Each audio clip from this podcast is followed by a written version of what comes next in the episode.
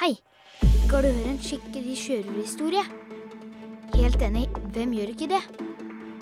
I bokserien På eventyr med kaptein Skrekk får du høre om jenta Nora, som ved en tilfeldighet oppdager en kiste som kan sende henne rett til sjørøververdenen.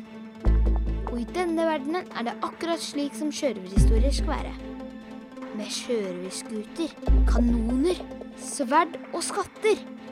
Og ikke minst er sjørøveren som Nora treffer, kjent for å være den verste av sitt slag. Nei, nei, nei, ikke noe sortebil. Ikke tegneseriekrok eller sabeldamfjompen. Sjørøveren jeg snakker om, er mannen som får alle andre sjørøvere til å tisse i buksa. Jeg snakker om skrekk. Kaptein Skrekk. Jeg heter Oskar, og i denne podkasten har du fått noen smakebiter fra boka 'Skatten på Kokosøya', og jeg har truffet noen av hovedpersonene i serien. I august i år kommer bok to, som heter 'Rabarbrias perle'. Og det skulle da bare mangle om ikke du vil høre litt fra den også. Her er kapittel én.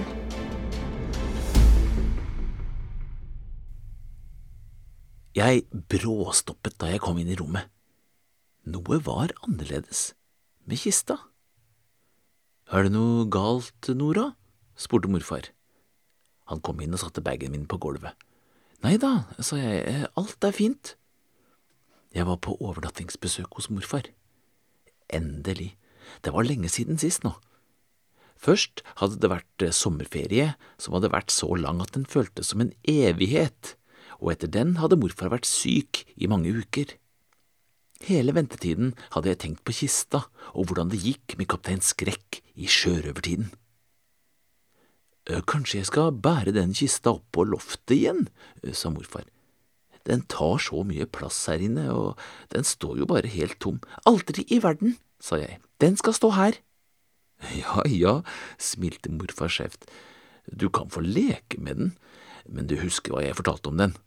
Det forsvant en gang et barn… Jeg vet det, avbrøt jeg. Onkelen din, lille Skrekk, lekte gjemsel. Han gjemte seg i kista og forsvant. Men det høres litt ut som en gammel spøkelseshistorie, sa jeg. Morfar så på meg og klødde seg på haka. Jeg mener, barn forsvinner ikke sånn uten videre, i alle fall ikke ved å gjemme seg i kister, fortsatte jeg og rynket på nesa slik at morfar skulle forstå at jeg ikke helt trodde på historien. Morfar så ut som han skulle til å si noe, men ombestemte seg. Ja, du har sikkert rett, sa han i stedet og tittet fort mot kista. Da tusler jeg bare ned for å lage middag. Tipper den er klar om en halvtime. Han tuslet ut i gangen og ned mot kjøkkenet. Jeg likte ikke å lyve til morfar, men han kunne ikke få vite sannheten. Gjorde han det, ville han ta kista ifra meg med en gang. Men denne kista fikk barn til å forsvinne. Forrige gang jeg var på besøk hos morfar, fortalte han historien om lille Skrekk som var redd for alt, spesielt blod, som hadde forsvunnet i kista som barn. Da jeg krøp opp i kista og låste fra innsiden, havnet jeg i sjørøververden, og der møtte jeg Skrekk, som fortsatt var redd for blod, men som likevel var blitt sjørøverkaptein. Kaptein Skrekk og jeg ble bestevenner. Vi dro på skattejakt, kjempet mot den fæle bleiebanden og ble skipbruddene på Kokosøya. Vi fant til og med en kiste med gull, men det var med nød og neppe at jeg klarte å komme meg tilbake til nåtiden igjen. Det var derfor jeg nå ikke kunne fortelle noe til morfar. Han kunne ikke forstå hvordan det var i sjørøververden og ville bli redd og helt sikkert nekte meg å reise tilbake igjen til kaptein Skrekk. Jeg hørte morfar lage mat nede på kjøkkenet, og gikk i gang med å sjekke hva som hadde skjedd med kista siden sist, for det var noe som var annerledes. Hadde urskivene og tannhjulene flyttet på seg? Hørte jeg også en lyd, en dirring i lufta? Jeg la øret mot kistelokket. Ja, så sannelig, kista tikket svakt, akkurat som en gammel klokke. Med ett la jeg merke til den lille skuffen i kistelokket. Vanligvis så var skuffen skjøvet helt inn, sånn at den nesten var usynlig. Nå stakk den bitte litt ut, slik at kantene av den var mye mer tydelige. Jeg lirket skuffen ut, og måtte nesten holde meg for munnen for ikke å slippe ut et lite skrik. Oppi den lå det en liten eske, pakket inn i gavepapir. Jeg skalv på hendene. Hadde kaptein Skrekk sendt denne fra sjørøvertiden? Var den til meg, og burde jeg i så fall pakke den opp? Jeg ristet på den. Jeg hørte det skvulpet inni esken. Jeg rev av gavepapiret. Det var et lite metallskrin.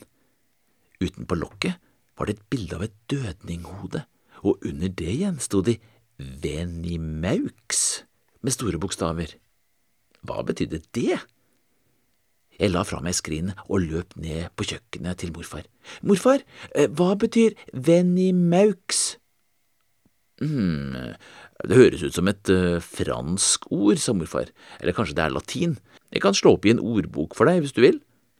Han fant brillene og tok fram en tykk bok. To minutter senere hadde han funnet ordet. Her står det uh, venimaux. Det uttales venimø. Det er et sånt ord som er ganske likt på mange språk. Eh, på latin sier man for eksempel venenosus, og på engelsk sier man venomous. Ja vel, ja vel, men hva betyr det? maste jeg. Det betyr at noe er giftig, sa morfar, og så spørrende på meg over brillene. Hvorfor lurer du på det? Jeg var allerede på vei opp trappene. På rommet tok jeg skrinet i hendene. Hvorfor skulle kaptein Skrekk legge noe giftig i kista? Det måtte bety at noe var galt. Da slo en ny tanke ned i hodet mitt. Hva hvis det ikke var kaptein Skrekk som hadde lagt skrinet i kista, men at noen prøvde å forgifte kaptein Skrekk? Eller kunne det være sånn at noen hadde tatt kista? Dette var ikke bra. Jeg måtte komme meg til sjørøvertiden og hjelpe Skrekk så fort som mulig. Nå er det middag, kjøttkaker i brun saus, hørte jeg morfar rope ned fra kjøkkenet måtte ha rotet seg opp i trøbbel.